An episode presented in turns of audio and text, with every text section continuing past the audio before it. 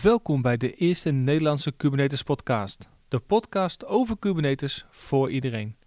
In deze podcastreeks gaan we in op de technieken en leuke onderwerpen rond Kubernetes. Wil je interactief met Kubernetes aan de slag? Ga dan naar k8spodcast.nl slash masterclass. Ik ben uw gastheer Ronald Kers en ik ga in gesprek met Kubernetes-expert Jan Stomphorst.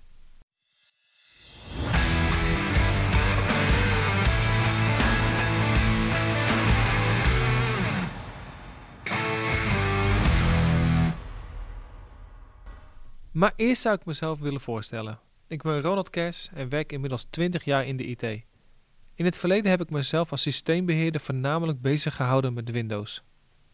In 2019 heb ik de overstap gemaakt naar marketing. En wat ik zo leuk vind aan de marketing is om complexe onderwerpen in de IT duidelijk te maken voor iedereen.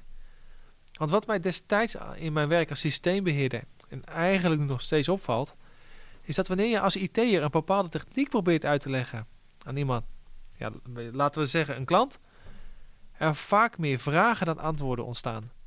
Daarom zie ik deze podcast als een mooie brug om die complexe IT-onderwerpen, zoals Kubernetes, toegankelijk te maken voor iedereen. En Jan, zou jij jezelf ook aan de luisteraars willen voorstellen?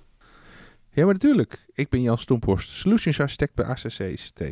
Ik werk al 25 jaar in ICT en ik ondersteun bedrijven bij hun applicaties en applicatieontwikkeling. Samen met mijn team werken we aan features en content over, Kubernetes.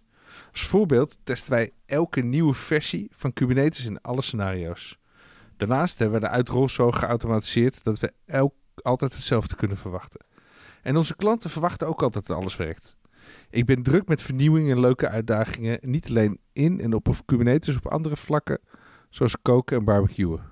Wat ik zo geweldig vind aan deze podcast, is dat we onze Kubernetes kennis met de wereld mogen delen. En mijn doel is om zoveel mogelijk makkelijke content te maken om iedereen de juiste onderwerpen uit te leggen. Bedankt Jan en top dat we dit samen kunnen doen. In deze podcastreeks nemen we je mee op reis in de wereld van Kubernetes. En zoals bij elke reis zullen we bij het begin moeten beginnen om te kunnen begrijpen wat Kubernetes in de core omvat. We gaan samen kijken hoe en wat Kubernetes in elkaar zit. Er komen verschillende onderwerpen langs, zoals security, verschillen tussen clouds, tooling en meer. Wil je jezelf meer verdiepen in de onderwerpen die Jan en ik bespreken, raad ik je aan om ook de artikelen te lezen op onze website www.k8spodcast.nl. In deze aflevering gaan wij samen praten over de volgende onderwerpen. Wat is Kubernetes en waarom zou je Kubernetes willen gebruiken? Om bij het begin te beginnen. Kubernetes is een term naam die ik steeds vaker om mij heen hoor. Maar voor mij is het nog steeds onduidelijk wat Kubernetes nou precies is.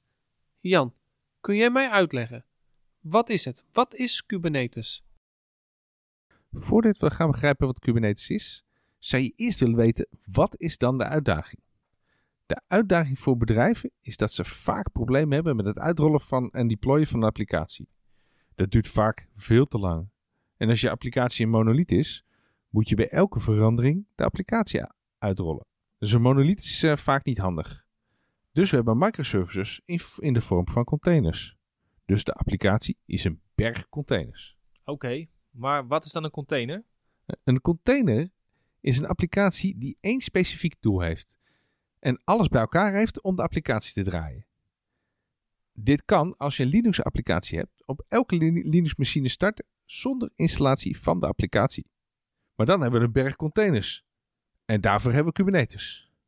Maar om dit uit te leggen hoe Kubernetes omgaat met containers, vertel ik altijd het verhaal van Pets en Kettle.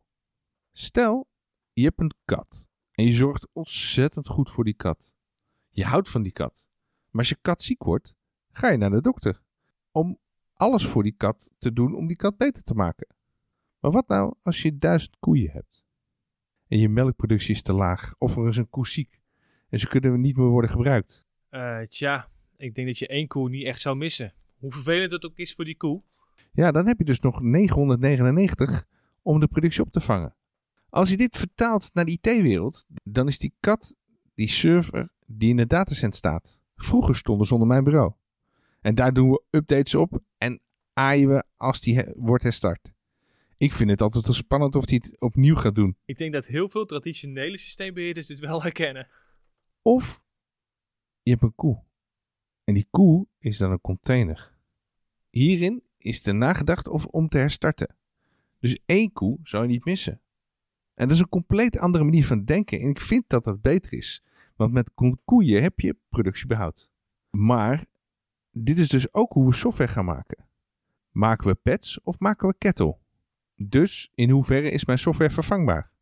Liggen hier omheen wel de juiste procedures? Maar je zou dus kunnen stellen dat vroeger wel alles makkelijker was. Dat klopt, vroeger was alles makkelijker. Maar de verwachting was veel lager. Tegenwoordig verwachten we dat alles maar werkt. Net zoals water uit de kraan. Als je erover nadenkt, wachten hoorde er eigenlijk ook gewoon bij. Als iets instant gebeurde, tijdens een installatie of zo, twijfelde je er eigenlijk aan of het wel klopte wat er net gebeurde. Ja, en dan is er nog iets anders wat we niet over het hoofd mogen zien. Vroeger stond die server dus gewoon onder mijn bureau. En als je te hard schopte, ging die uit. En dat zou nou niet meer kunnen. Eén ding wat zeker belangrijker is, is dat de gegevens veilig zijn. En dat is zelfs vandaag de dag nog een uitdaging. Vroeger hadden we een probleem eigenlijk wat, die we niet wisten dat die bestond. We wisten het, maar toch. In de alle OTAP-omgevingen waren niet hetzelfde. Dus de O was niet hetzelfde als andere omgevingen. Oké, maar wat betekende dat voor je applicatie dan? Dus je kan eigenlijk geen optimale kwaliteit leveren, aangezien je niet representatief kan testen. Hiervoor zijn dus containers gekomen. Containers bestaan al ontzettend lang. En het idee is er ook al heel lang. Maar door Docker is het de toekomst ingebracht. En op dit moment wordt het door ontzettend veel bedrijven gebruikt. Een container is geweldig. Een container is klein en snel. En, zoals ik al zei, er zit alles in om die applicatie te draaien. Oké, maar je hebt het nu over Linux. Hoe zit het dan op Windows? Met Windows containers is dat een andere uitdaging. Windows containers zijn nog wel ontzettend groot en log. Je hebt een volledige Windows installatie in de container. Daarnaast heb je uitdagingen met user accounts en rechten. Oké, maar je zou dus eigenlijk kunnen stellen dat op dit moment de Windows containers nog niet volwassen zijn. Ja, Windows is eh, anders in de basisopzet, dus ook eigenlijk minder geschikt voor. Je zou kunnen stellen dat Windows een monolith is en Linux een microservice is. Maar ze zijn wel ontzettend goed op weg. Dus een container werkt op een lokale machine van de developer, net zoals in de productieomgeving. Als je een container herstart, herstart hij altijd op dezelfde manier. En als je aanpassingen maakt in een container, zullen deze na een herstart weer verdwijnen. Dat lijkt wel een beetje alsof je een machine opstart met een CD. Ja, klopt. En als je dan een hele berg van die containers hebt, hè, waar laat je ze dan? Uh, geen idee. Dit doet dus Kubernetes voor je. Kubernetes doet container management. Hij zorgt dat de containers altijd op de juiste plek terechtkomen. Dus misschien heeft jouw applicatie een videokaart nodig. Dan kan Kubernetes ervoor zorgen dat die containers op de juiste plek komen. En daarnaast kan Kubernetes jouw container in de gaten houden. Als je een error in je container hebt, dan kan hij hem voor je herstarten. Of je wil aangeven dat je meer containers nodig hebt, dan kan Kubernetes dat voor je doen. Dan gaat hij er meer starten. Oké, okay. nou voor mij heb ik nu wel een goed beeld bij wat uh, Kubernetes is. Bedankt. Top. ACC ICT is specialist in IT-continuïteit. Bij ACC ICT staat alles in het teken van continuïteit waarborgen voor bedrijfkritische applicaties. Of het nu gaat over Managed OTAP, Cloud en Kubernetes, ze geven hier invulling aan om door samen met hun klanten een toekomstbestendige strategie uit te stippelen voor het gehele proces van ontwikkelen tot en met productie. Dus nu heb ik een beeld bij wat Kubernetes is. Maar waarom zou ik dit voor mijn organisatie willen? Stel Jan, ik ben CTO bij een softwareontwikkelaar. Wat zou ik dan aan Kubernetes hebben? Nou ja, Kubernetes is dus uh, container management. Als je gebruik maakt van containers, dan zou je echt niet anders willen. Kubernetes is ontzettend nieuwe software. Het is nog maar zes jaar oud en al heel volwassen. Er zijn natuurlijk voor- en nadelen. Veel mensen ervaren dat Kubernetes ontzettend complex is. Maar het is een manier van denken. Het verplicht je in containers te werken en geen shortcuts te nemen met de deployment van je software. Een deployment gaat ook ontzettend snel. Dus het uitrollen gaat supersnel. Dus je krijgt meer kwaliteit. En dan zal het raar klinken, maar meer kwaliteit geeft ook meer snelheid. Ja, dus meer kwaliteit en snelheid. Ik denk dat je die even moet uitleggen. Want meestal is het toch zo dat, het juist dat je vaak langer bezig bent als je uh, kwaliteit wil garanderen. Ja, dat klopt. Maar stel je eens voor, als je minder bugs in productie moet repareren. Repareren kost tijd. Kwaliteit is snelheid. Aha, op die manier. Ja, dat, uh, dat klinkt wel logisch. Niet alle software is uh, klaar om in containers te draaien. Maar als de software in de container zit, heb je heel veel voordelen. Je kan de software makkelijk uitrollen. De software is hetzelfde in alle omgevingen. Dus wat je test in je testomgeving is hetzelfde als in je productieomgevingen. Kijk, ik word er zelf wel enthousiast van. Waar kan ik beginnen? Snap ik. Maar let op, Kubernetes is wel complexer dan een Linux servertje. We kijken ook altijd wanneer jouw software klaar is om in containers te draaien. Als jouw software uit verschillende microservices bestaat en meer dan één developer hebt, dan past het al heel snel in Kubernetes. Tegenwoordig passen databases ook heel goed in de Kubernetes. Databases in Kubernetes. Ik had begrepen dat dat niet helemaal goed ging. Nou, vooral NoSQL databases zoals Apache Cassandra. Die werken perfect. En die zijn ook voor clustering gemaakt. Ouderwetse databases, zoals relationele databases, dat is misschien wat je gehoord hebt. Zoals MySQL of Oracle, dat is een hele grote, zijn lastig, lastig te draaien. Die zijn niet uh, native clustering, zoals Cassandra. Dus als je een van je nodes van het cluster herstart wordt, dit kan voorkomen in Kubernetes, dan zou je cluster bijvoorbeeld minder goed kunnen werken. Dus vanuit die optiek is het minder slim om de databases in Kubernetes te draaien. Dus ze passen heel goed, mits je de juiste neemt. Dus het is een voordeel dat Kubernetes containers herstart. Maar als je applicatie er minder geschikt voor is, dan gaat het niet werken. Dus er zijn situaties dat, je, dat Kubernetes je pods zou herstarten. Bijvoorbeeld als een node vol is. Herstarten van pods gebeurt ook als je een nieuwe versie van je applicatie hebt. Kubernetes zal dan één voor één je nieuwe versies van de pods uitrollen, zonder dat er downtime is. Hij doet het op basis van een afgesproken rolloutstrategie. Je kan dus ook zelf keuzes maken. Je kan dus ook zeggen van ik rol alles in één keer uit of ik doe, doe het heel anders. In deze rollout-strategie in Kubernetes kan je hoeveel containers er actief moeten blijven en hoeveel de nieuwe containers succesvol herstart moeten zijn voordat de oude gestopt zijn. Je kan de keuze maken, maar het is wel slim dat je een container actief hebt voordat de nieuwe uitgerold is. Als je containers enigszins snel opstarten, nou, althans dat gebeurt meestal zo, dan kan het echt enkele minuten duren voordat je een nieuwe versie uitgerold hebt. Ah, oké, zou je een voorbeeld kunnen geven vanuit de praktijk? Nou, uh, dit is meer een, uh, een, een voorbeeld over piekvermogen. En uh, stel, hè, je hebt een voetbalwebsite. Die wordt uh, uh, alleen maar bezocht als de wedstrijd net voorbij is. Dan uh, wil je graag dat je meer resources hebt op dat moment. Dus je kan tegen Kubernetes vertellen dat je meer resources nodig hebt. Peakload noemen ze dat. Dus Kubernetes gaat voor jou horizontaal schalen. Hij gaat voor jou nieuwe containers ernaast zetten. Dit gaat ontzettend snel. Net zo snel als je een nieuwe versie kan uitrollen eigenlijk zet je, de, zet je de containers naast. Dus je geeft Kubernetes een opdracht en dan gaat ermee aan de slag. Hoe cool is dat? Laatst wilde ik wat testen bij een klant, maar ik mocht de productie niet verstoren.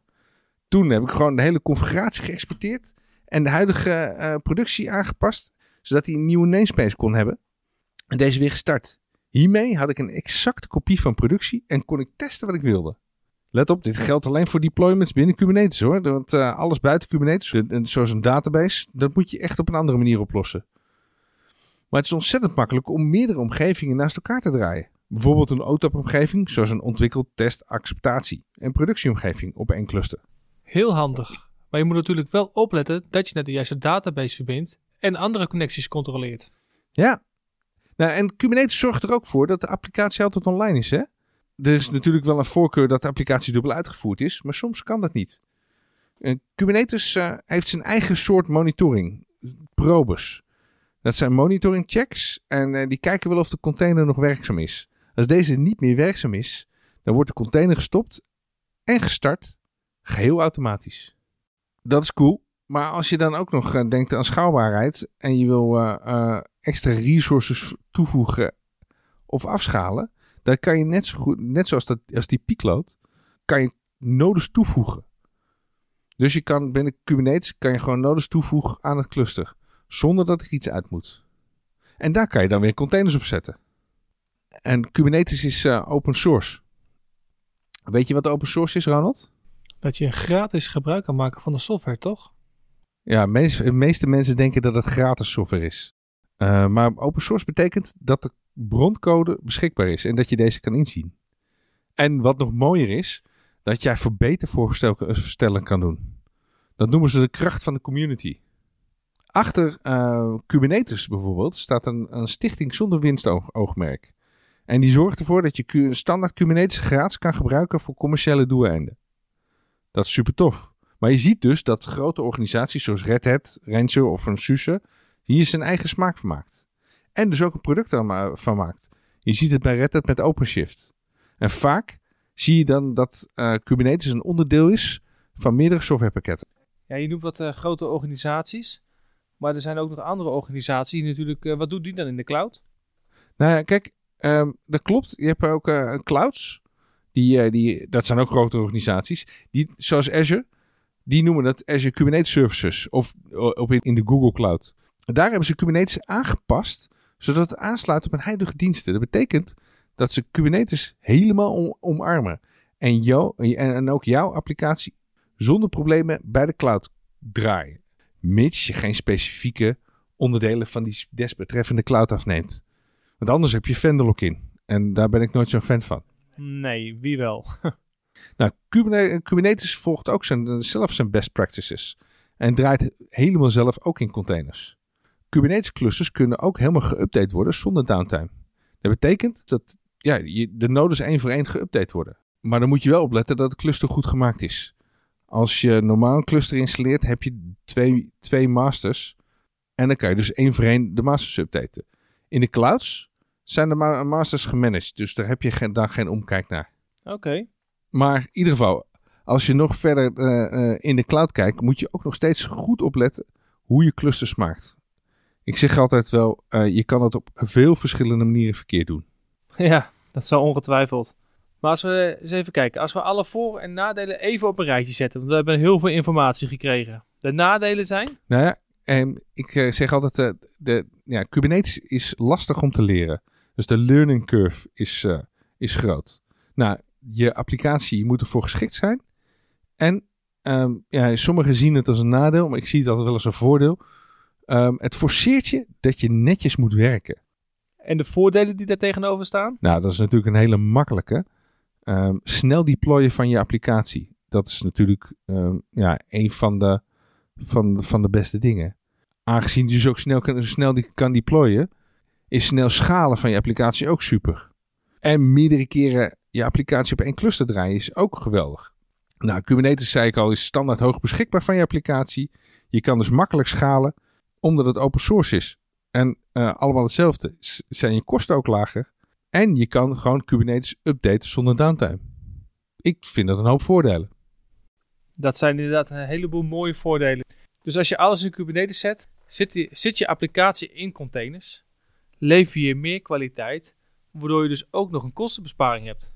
Je hebt de dus je hebt de voordelen van containers. En Kubernetes zorgt er zelfs nog eens voor dat die container altijd blijft leven. Klopt. Nou Jan, bedankt voor je heldere uitleg. En onze luisteraars, bedankt voor het luisteren naar de eerste Nederlandse Kubernetes podcast. Ja, ik bedankt Ronald en tot de volgende keer. Deze podcast is een initiatief van ACC ICT en wij zijn te beluisteren op onze website k8spodcast.nl via Spotify, Apple, Google Podcast en alle andere favoriete podcastproviders.